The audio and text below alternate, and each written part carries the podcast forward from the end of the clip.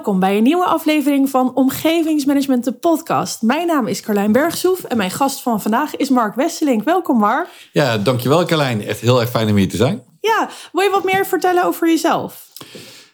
Ja, ehm, wat er te vertellen valt. Ehm, ik ehm, zit een jaar of 35 in het vak van wat we tegenwoordig omgevingsmanagement uh, noemen. ben groot geworden in de 80 jaren. Dat was de tijd van Chernobyl, van zure regen, van heel veel politieke spanning. Ook zoals dat nu eigenlijk ook is. En dat heeft mij wel een beetje gemaakt en gevormd. Dus ik ben iemand die graag als milieukundige af wilde studeren, maar die opleiding bestond nog niet. Um, ben toen in een strijd terechtgekomen tussen twee hoogleraren in Nijmegen die samen uh, milieukunde moesten gaan vormgeven in het curriculum, um, maar zeg maar een rare mengvorm van vakken. En in die tijd ben ik er wel achter gekomen dat ik echt zeg maar, het technische milieu veel minder interessant vond dan eigenlijk de vraag over, uh, over maar hoe kunnen we dat People, Planet, Profit nou met elkaar een goede invulling geven, zodat het eigenlijk goed is voor alles en voor iedereen. Dus dat heeft mij toen al wel gegrepen. En ik ben vrij snel daarna in contact gekomen met uh, mensen uit Amerika, die in Nederland waren gehaald, omdat Nederland het milieubeleid moest worden vormgegeven. Ik werd als adviseur um, aan het team van de minister toegevoegd. Um, en heb daar um, mogen helpen. kennis gemaakt met het Multi gedachtegoed.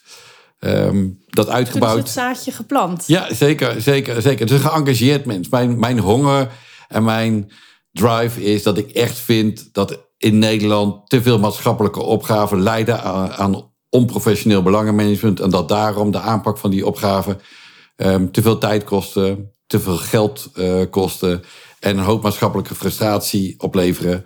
En dat is niet oké. Dat kan en dat moet anders. En daar probeer ik een bijdrage aan te leveren. Ja, daar heb je natuurlijk eh, twaalf jaar geleden een uh, bijdrage aan geleverd. Al de eerste, of tenminste, ja, dat was ook een samenvatting van heel veel werk dat al was verricht, denk ik. Maar toen is je eerste boek uitgekomen, Handboek Strategisch Omgevingsmanagement. Ja. Um, en nu twaalf jaar later, en dat is eigenlijk de directe aanleiding dat we hier zitten, heb je Handboek 2.0 geschreven. Ja, saaie titel, hè? Nou ja, of consistent, zo kan je het ook zeggen. ik zou niet zo heel streng zijn voor mezelf als ik 400 pagina's uh, gewoon wel echt een goed verhaal heb neergezet. Dus. Uh, ja, ik hoop dat het een goed verhaal is. Um, ik, ik, ben wel blij met wat er ligt uh, uiteindelijk. Ik ben echt oh, pultjes gezeten. Ik vond het echt zo spannend om dat uiteindelijk te doen. Maar um, ik vond ook echt wel gewoon dat het nodig is. Er zitten echt een paar boodschappen in waar ik echt zo blij ben dat ik je heb opgeschreven. Wat eh, is de boodschap waar het meest blij mee bent dat je hebt opgeschreven? Um, nou, um, als ik het liever vergelijk met het vorige boek, want ik zag ook op LinkedIn dat er vragen waren over van, maar waarom dan, uh, waarom dan dit nieuwe boek? Het, het eerste boek had ik echt zoiets van, als we die maatschappelijke opgaven waar we nu uit voor staan, en of het nou gaat om uh, een bouwproject um, of energietransitie of aardbevingen of um, in inclusieachtige uh, opgaven. We zullen echt gewoon veel beter naar de belangen van mensen moeten kijken. En mensen moeten klaarstomen om tot oplossingen te, uh, te komen die voor, voor iedereen uiteindelijk goed is. En dat verhaal vond ik eigenlijk dat methodisch in het eerste boek wel geschreven uh, is. Ik geloof dat we mensen vooral handelingsperspectief moeten geven, maar ook uit moeten leggen vanuit welke visie je dat uiteindelijk moet doen. Die combinatie, visie, handelingsperspectief, die zat in het eerste boek, ging vooral over belangen. En dat zit in het tweede boek ook wel weer. Maar wat er nieuw is in dit boek, is dat ik eigenlijk, um, en daar ben ik misschien wel het meest trots op, Mutual Gains heb opgerekt. Uh, Mutual Gains gedachtegoed heeft best een redelijke plek gekregen in Nederland. Maar gaat eigenlijk vooral over belangen, over hoe belangen werken. En um, wat we eigenlijk merken in, in heel veel van onze opgaven is dat, dat ondanks het feit dat we professionelen met belangen aan het omgaan zijn, of in ieder geval in onze omgevingsmanagementprojecten, ehm, dat de samenleving nog gefrustreerder lijkt dan, dan dat die twaalf jaar geleden was. Dat dingen nog langer duren. Dat we elkaar op social media inmiddels uh, de, de schedel inslaan voor, voor eigenlijk niks.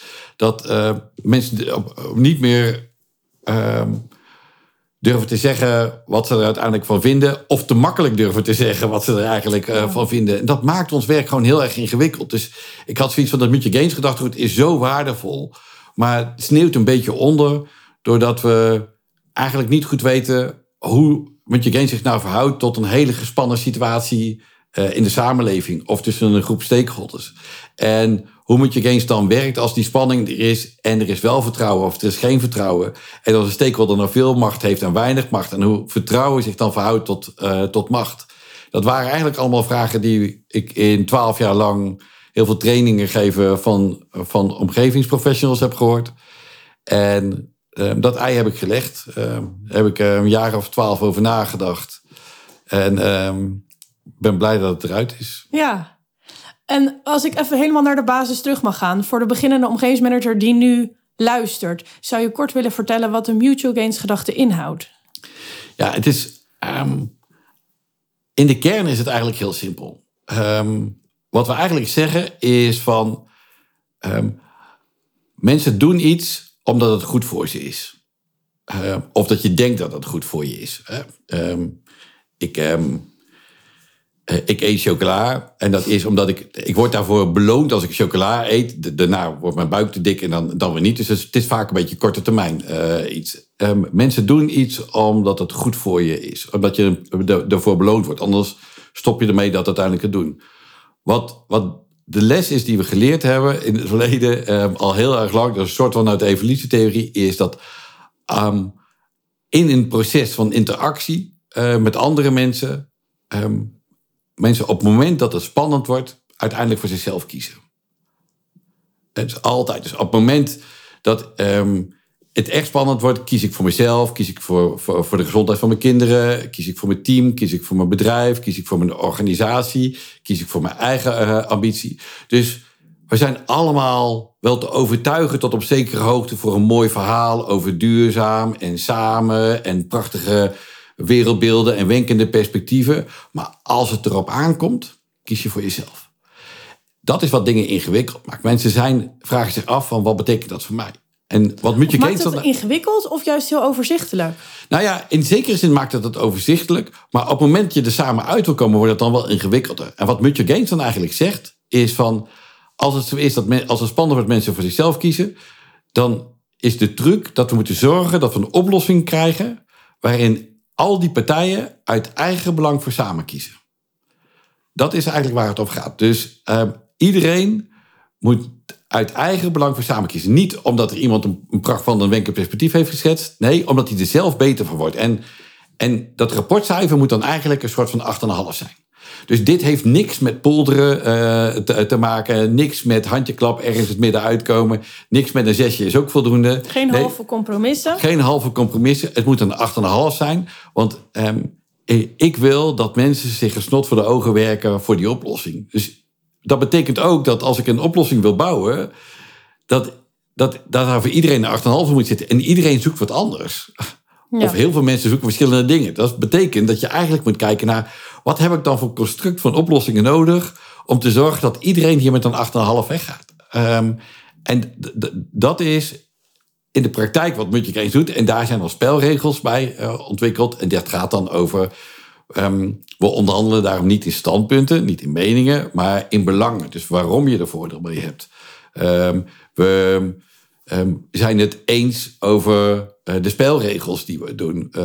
we ontwikkelen samen criteria voor besluitvorming. Als we niet eens zijn, gaan we een soort van joint fact-finding uh, doen. Samen het eens proberen te worden over de feiten. Daar spreken we allemaal spelregels uh, over af. Uh, dat soort dingen, dat hebben we gebouwd om dat principe heen. Um, en dat lijkt eigenlijk heel goed te werken. Dus um, het is wat anders dan, dan polderen en elkaar ergens in het midden, uh, midden ontmoeten. Um, maar het vraagt veel van de mensen die ermee werken. Ja, want nou, dat is misschien een mooi bruggetje naar mijn volgende vraag. Wat vraagt dit van de mensen die hiermee moeten werken? Wat moet je als professional goed kunnen om dit uit te voeren? Nou, in, het allereerste is denk ik um, dat je er zelf achter moet staan. Uh, je moet het wel doorleven. Um, want heel veel van onze opdrachtgevers, in, in, voor heel veel opdrachtgevers van omgevingsmanagers, die um, um, hebben het liefst een zo simpel mogelijke rechtsoligaat aanpak. Um, nou ja, dus misschien is, is dat wat chargerend, maar de maakbaarheid zit nog wel in heel veel van dat soort opgaven. Dus op het moment dat je een, een, een project ligt, is het zoiets van: oké, wat verwacht je dan van een omgevingsmanager? En dan wordt er gezegd van, ja, dat ik geen gezeik heb, of dat, het, uh, dat ik geen problemen heb, ik wil geen verrassingen uh, hebben en dergelijke. Ja, dat is wat anders dan oprechte interesse in je gesprekspartner. Ja, dat, of, en, dat je zegt van, maar um, hoe kan ik nou in dezelfde hoeveelheid tijd en dezelfde uh, hoeveelheid geld um, maximale maatschappelijke waarde toevoegen? Hoe kan ik nou kijken of ik een, een, een plan uh, wat ik heb kan realiseren waarbij andere belangen mee kunnen liften, uh, waardoor partijen die anders tegen zijn nu mee gaan helpen om dat plan te realiseren. Maar dan is het alleen wel een iets ander plan geworden dan dan zoals het oorspronkelijk bedoeld was. En dat is waar je oorspronkelijk mee op bent gestuurd. Ja, ja dus heel veel van de, van de opgaven die uh, wij uiteindelijk doen. Bijvoorbeeld, noem maar wat, toen wij gevraagd werden de, van de nieuwe huizen eh, voor de, de N69, die brengt van uh, um, Valkenswaard, uh, of, of, van Eindhoven zelfs naar Belgische Hasselt, geloof ik. Ja, dat, dat was. De, de weg N69 was al 40 jaar gedoe over. En Daarna heette het uh, grenscorridor, gebiedsinpassing grenscorridor. Omdat er heel veel andere dingen bij zijn gekomen. Dat maakt, omdat, dat, dat lukt dan, omdat dan in één keer de natuurbelangen en de waterschapsbelangen en de omwonende belangen en de agrarische belangen in één keer wel in elkaar weten te passen. Um, maar als omgevingsprofessional moet je hier wel echt voor staan. Want je, je komt tegenover opdrachtgevers te staan vaak. Niet altijd, gelukkig niet altijd, maar vaak wel die zeggen van, wat ga je nou doen? De opdracht is zo simpel. Wat je, ik, ik wil deze weg aanleggen. Um, doe je ding, ga praten, zorg dat ik er geen last van heb. Ik chargeer nu verschrikkelijk, doe heel veel mensen heel erg tekort. um, maar op het moment dat je als omgevingsprofessional dan wil zeggen van, ja wacht even. Um, ik denk dat, dat die kortste weg die jij ziet, de weg van de meeste weerstand is. En of het oplossend vermogen van jouw plan groot genoeg is om hier met elkaar op korte termijn uit te komen. Ik denk dat ik een mutual gains uh, oplossing heb. Een oplossing waar veel meer belangen mee gediend zijn. Um, die een veel kortere weg naar het resultaat is. Wat uiteindelijk minder tijd en minder geld uh, gaat kosten. maar dan moet je wel. meer aan de voorzijde. Ja, zeker. Zeker. Precies dat. En dat is best. Dat, dat, het, om mensen daarvan te overtuigen dat je de complexiteit op moet zoeken. Um, dat je moet investeren in het begin. Uh, dat je je huiswerk een beetje um, um, moet doen. Dat is, is strijdig met de verwachtingen van, uh, van heel veel van onze opdrachtgevers. En dan moet je als omgevingsprofessional echt zeker weten dat je jezelf in gelooft. Ja, want in je boek besteed je ook uitgebreid aandacht aan persoonlijk leiderschap. Ja. En ik ben zelf fan van uh, uh, Simon Sinek en zijn Golden Circle. Maar dat is ook wat je daar schrijft. Ja. Van goh, ik, ik geloof ook niet dat dit werkt als je het als trucje toepast. Maar je moet er echt zelf in geloven en zelf die drive hebben. Om, om de wereld ook een stukje mooier achter te willen ja, laten. Ja, zeker. En um, dus Simon Sinek die zegt dat um, voor, voor degene die echt een beetje de, de, de Harvard en, en de PON-fans zijn, heb je natuurlijk het boek van Um, William Ury, Getting to Yes with Yourself and Other Worthy Opponents, schrijft hij dan. Waarin hij eigenlijk ook zegt van ja, als je het jezelf niet uit kan leggen, um, hoe, hoe, denk je dan dat het overkomt uh, op een ander? Dus het gaat over de why uh, van, uh, van, van Sinek. en, en kijken of je dat goed kunt, kunt doorgronden. maar ik denk dat het nog een stapje verder gaat. dat, dat ook de omgevingsprofessionals zich af moeten vragen waarom je eigenlijk in dit vak zit. Waarom heb je hier eigenlijk voor gekozen? Dus je persoonlijke why is dat? Ja, ja, dat denk ik wel. Want eh, waar komt je drive nou vandaan? Ben jij nou degene die van samenhang houdt of die gewoon de um, pukkeltjes krijgt van, uh, van ruzie en van conflicten? Ben je juist heel conflictmijdend? Of uh, zitten um, iets maatschappelijk geëngageerd in of wat dan ook. En geloof je dan ook echt dat, dat deze manier van kijken en deze manier van werken past bij jou? En dan, dat maakt het allemaal zoveel makkelijker uh, om te blijven staan als het uh, gaat waaien. Als het gaat waaien, ja, want je moet dan dus eigenlijk ook de organisatie overtuigen van... goh jongens, het is het waard om hierin te investeren. Ja. En... Um, Uh, ik kreeg daarover een vraag van Jos de Wilde van het Hoogheemraadschap van Rijnland. Die zei van, joh, ik zie dat organisaties die zijn bereid om mensen te sturen naar je cursus uh, strategisch omgevingsmanagement. Die komen daar uh, met superveel waardevolle input terug. Maar vervolgens kunnen mensen wel misschien vastlopen in de eigen organisatie. Zeker. Want als jij als professional zover bent dat je dit echt goed wil neerzetten en je blijft recht overeind staan op het moment dat er discussie is, hoe zorg je dan dat de omgeving om je heen ook wat sensitiever wordt voor de, deze materie? En daarmee bedoel je dan samenwerken. de omgeving om je heen in je eigen organisatie? De interne stakeholders. Ja, ja, dat, is, dat is zeker waar. Ik geloof dat um, omgevingsmanagement een, een, een, een, persoonscompetentie is, een vakcompetentie, een, een, een omgevingsprofessional. Um, zou moeten weten hoe je, dit, uh, hoe je dit zou moeten doen. Maar dat het daarnaast ook een organisatiecompetentie is. En ergens in het boek heb ik ook iets geschreven over wat vroeger License to Operate, License to Grow heette. Ik, ik, ik heb geprobeerd te vertalen naar de vergunde toekomst en de gegunde toekomst. En wat we zien in die samenleving die steeds spannender wordt, is dat de gegunde toekomst zo belangrijk wordt. En als organisaties niet alleen maar meer um, uh, mogen produceren. Neem nou um, een, een, waterschap of uh, een, een, Tata of, of Schiphol. Ook al heb je de vergunning, dan mag je misschien wel meer produceren. Op het moment dat de samenleving tegen je keert, is het gedaan. Dus het besef van een organisatie dat de gegunde toekomst superbelangrijk voor ze is, uh, dan kom je er niet mee weg dat je een aantal omgevingsmanagers naar een cursus stuurt die als een soort van Haarlemmer olie of strijkbouten alle plooien proberen glad te strijken, die de rest van de organisatie uh, aan het veroorzaken is. Het moet dieper geworteld zijn in de missie, visie en strategie van die organisatie. De systemen moeten op plek zijn. Mensen moeten beoordeeld worden, niet alleen of ze binnen tijd en, uh, budget um, een opdracht afleveren, maar ook of ze de maatschappelijke toegevoegde waarde gerealiseerd hebben die de mogelijkheid in zat. Of dat ze de relatie versterkt hebben in plaats van verslecht hebben met, uh, met, stake, uh, stakeholders. Um, zo zitten er heel veel van die factoren die erin zitten. En uh, in het boek heb ik daar in, het vierde, in de vierde bouwsteen iets over gezegd. Daar gebruiken wij um, het 7S-model van McKinsey. Langs zeven factoren kun je kijken hoe je dit in de organisatie kunt verankeren.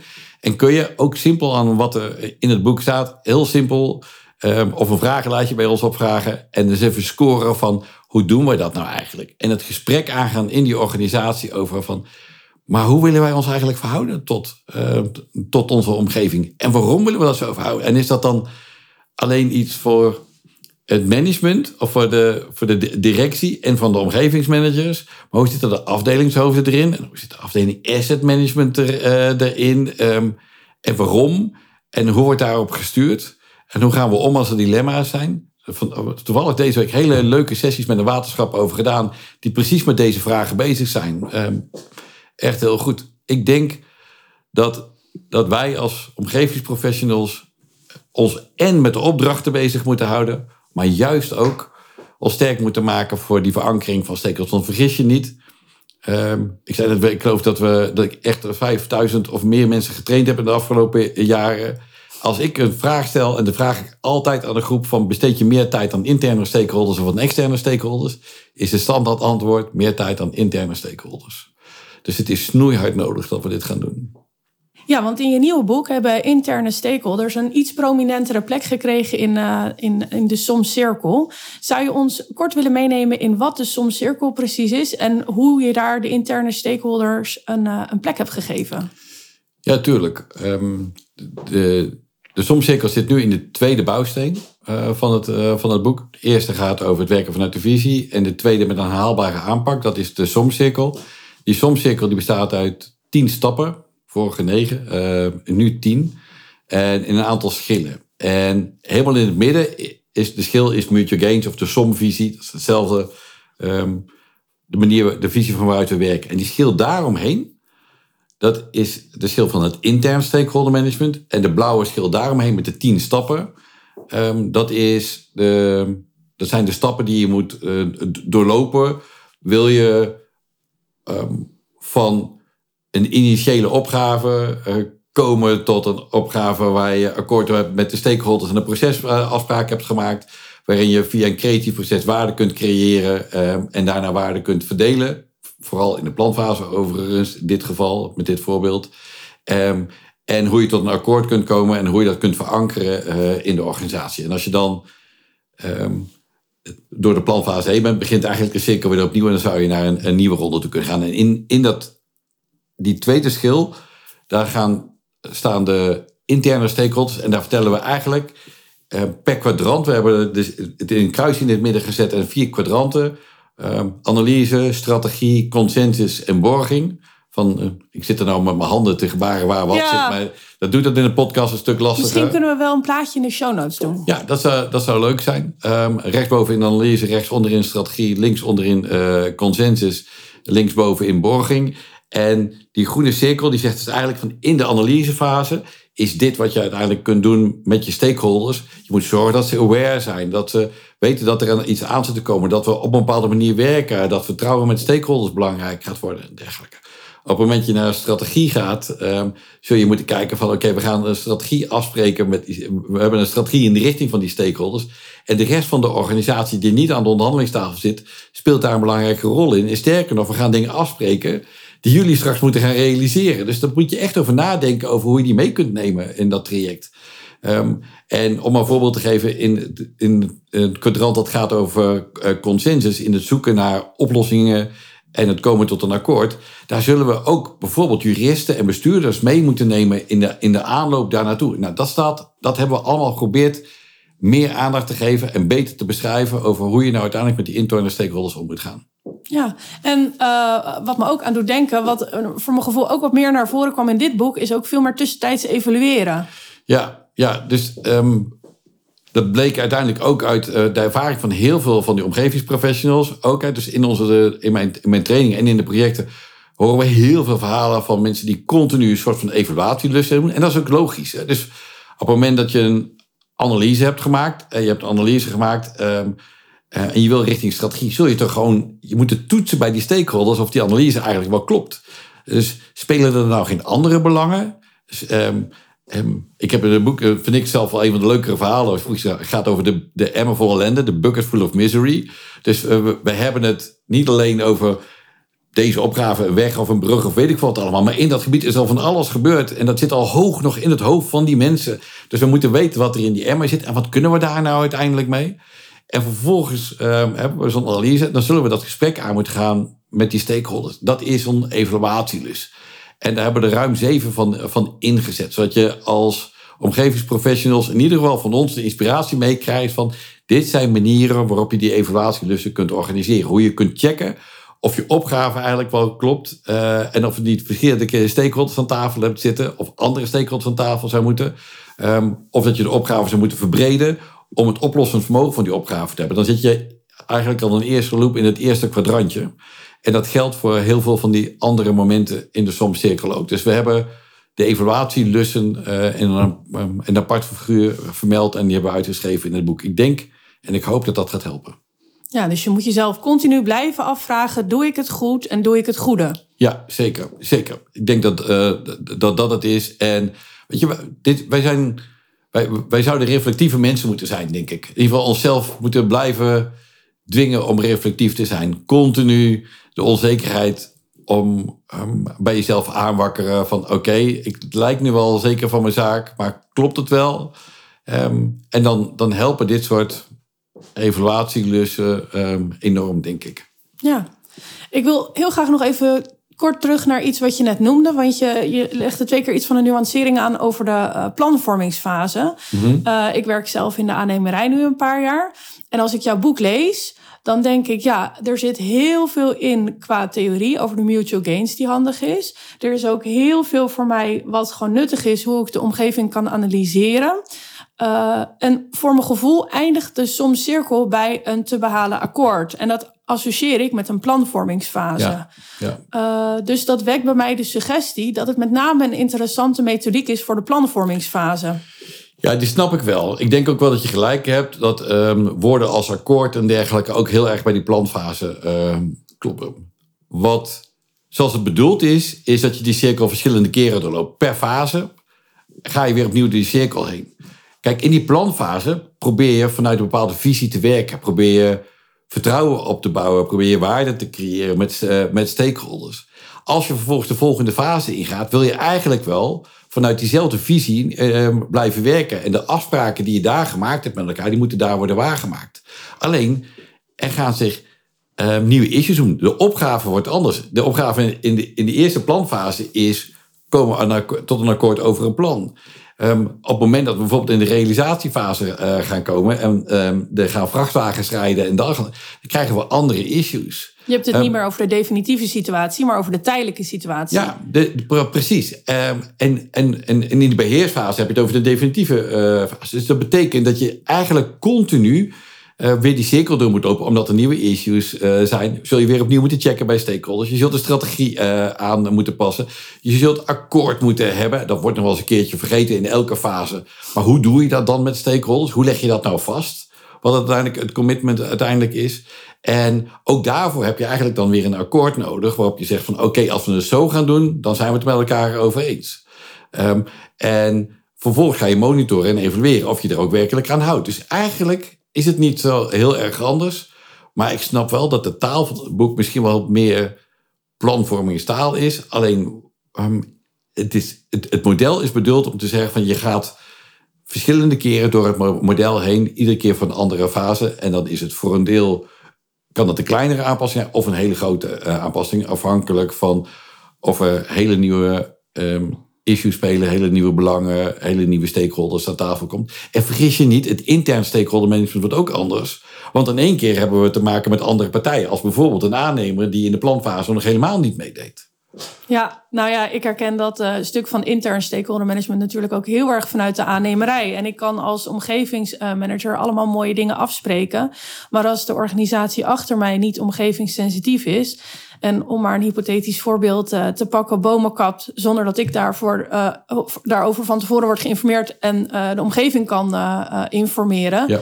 Nou ja, dan, dan, dan, dan wordt volledig de grond onder je ja, voeten weggeslagen. Klinkt een beetje dramatisch, maar de basis voor je werk, dan, ja, die, die verdwijnt dan. Ja, ja, ik zie eigenlijk dat we in uh, sneltreinvaart eigenlijk alweer bijna bij het einde uh, van deze podcast zijn aangekomen. En nou ben ik toch wel benieuwd. Je vertelde dat je 2,5 meter een inspiratie had toen je het boek schreef. Ja, ja, ja. Welke inspiratie zou jij mee willen geven aan omgevingsmanagers? Oeh, nou, ik heb al zo ongelooflijk veel inspiratie gekregen van omgevingsmanagers. Die 2,5 meter bestaat voor een groot deel aan materiaal uit van verhalen die ik van andere mensen ook heb gehoord. En natuurlijk wel wel zelf heb meegemaakt. Maar we zijn echt een gezegend land in Nederland met zoveel ongelooflijk goede uh, omgevingsprofessionals. Als ik toch twee dingen mee zou moeten geven. Eén uh, is, denk ik, wat ik al genoemd heb. Um, ga vooral bij jezelf na waarom je dit doet. Op het moment dat je die, die bron gevonden hebt, haalt er zoveel kracht uit en kun je vanuit een visie heel veel meer voor elkaar krijgen. Gaat dat, eh, blijf je makkelijker staan als het uh, tegenwind is en ben je ook eerder bereid uh, consequenties te accepteren als het uiteindelijk niets is. Ik geloof dat dat nodig is. Als we dingen in verandering willen brengen, dan hebben we mensen nodig die, um, die um, vanuit een overtuiging echt in dit vak bezig zijn. En dat zijn er gelukkig heel erg veel. En de tweede is denk ik um, ik heb dit boek um, vanuit, voor, voor, drie soorten van omgevingsprofessionals geschreven. Voor degene die helemaal nieuw zijn en zeggen van wat is het eigenlijk en hoe zou het dan kunnen of moeten. Je, dit is niet um, een boek wat je letterlijk moet gaan volgen, maar, maar voor hen is het een soort van... Um, moet je een, een, kennismaking met omgevingsmanagement over hoe zit het uiteindelijk in elkaar, hoe zou het allemaal uh, kunnen. Ehm, het is niet een blauwdruk, um, je zult ermee moeten spelen. Maar toch, je hebt dan in één keer een boek waar je echt heel veel dingen uit kunt halen.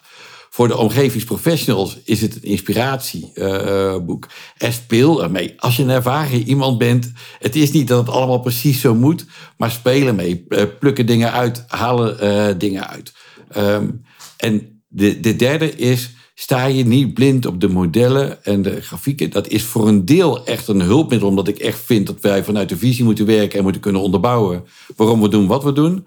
Maar het is ook een veranderkundige strategie um, om opdrachtgevers die dat wat wij doen eigenlijk allemaal soft uh, vinden. En eigenlijk lief um, duidelijke managementrapportages en, uh, en tooling willen zien om uh, makkelijk besluiten te kunnen nemen.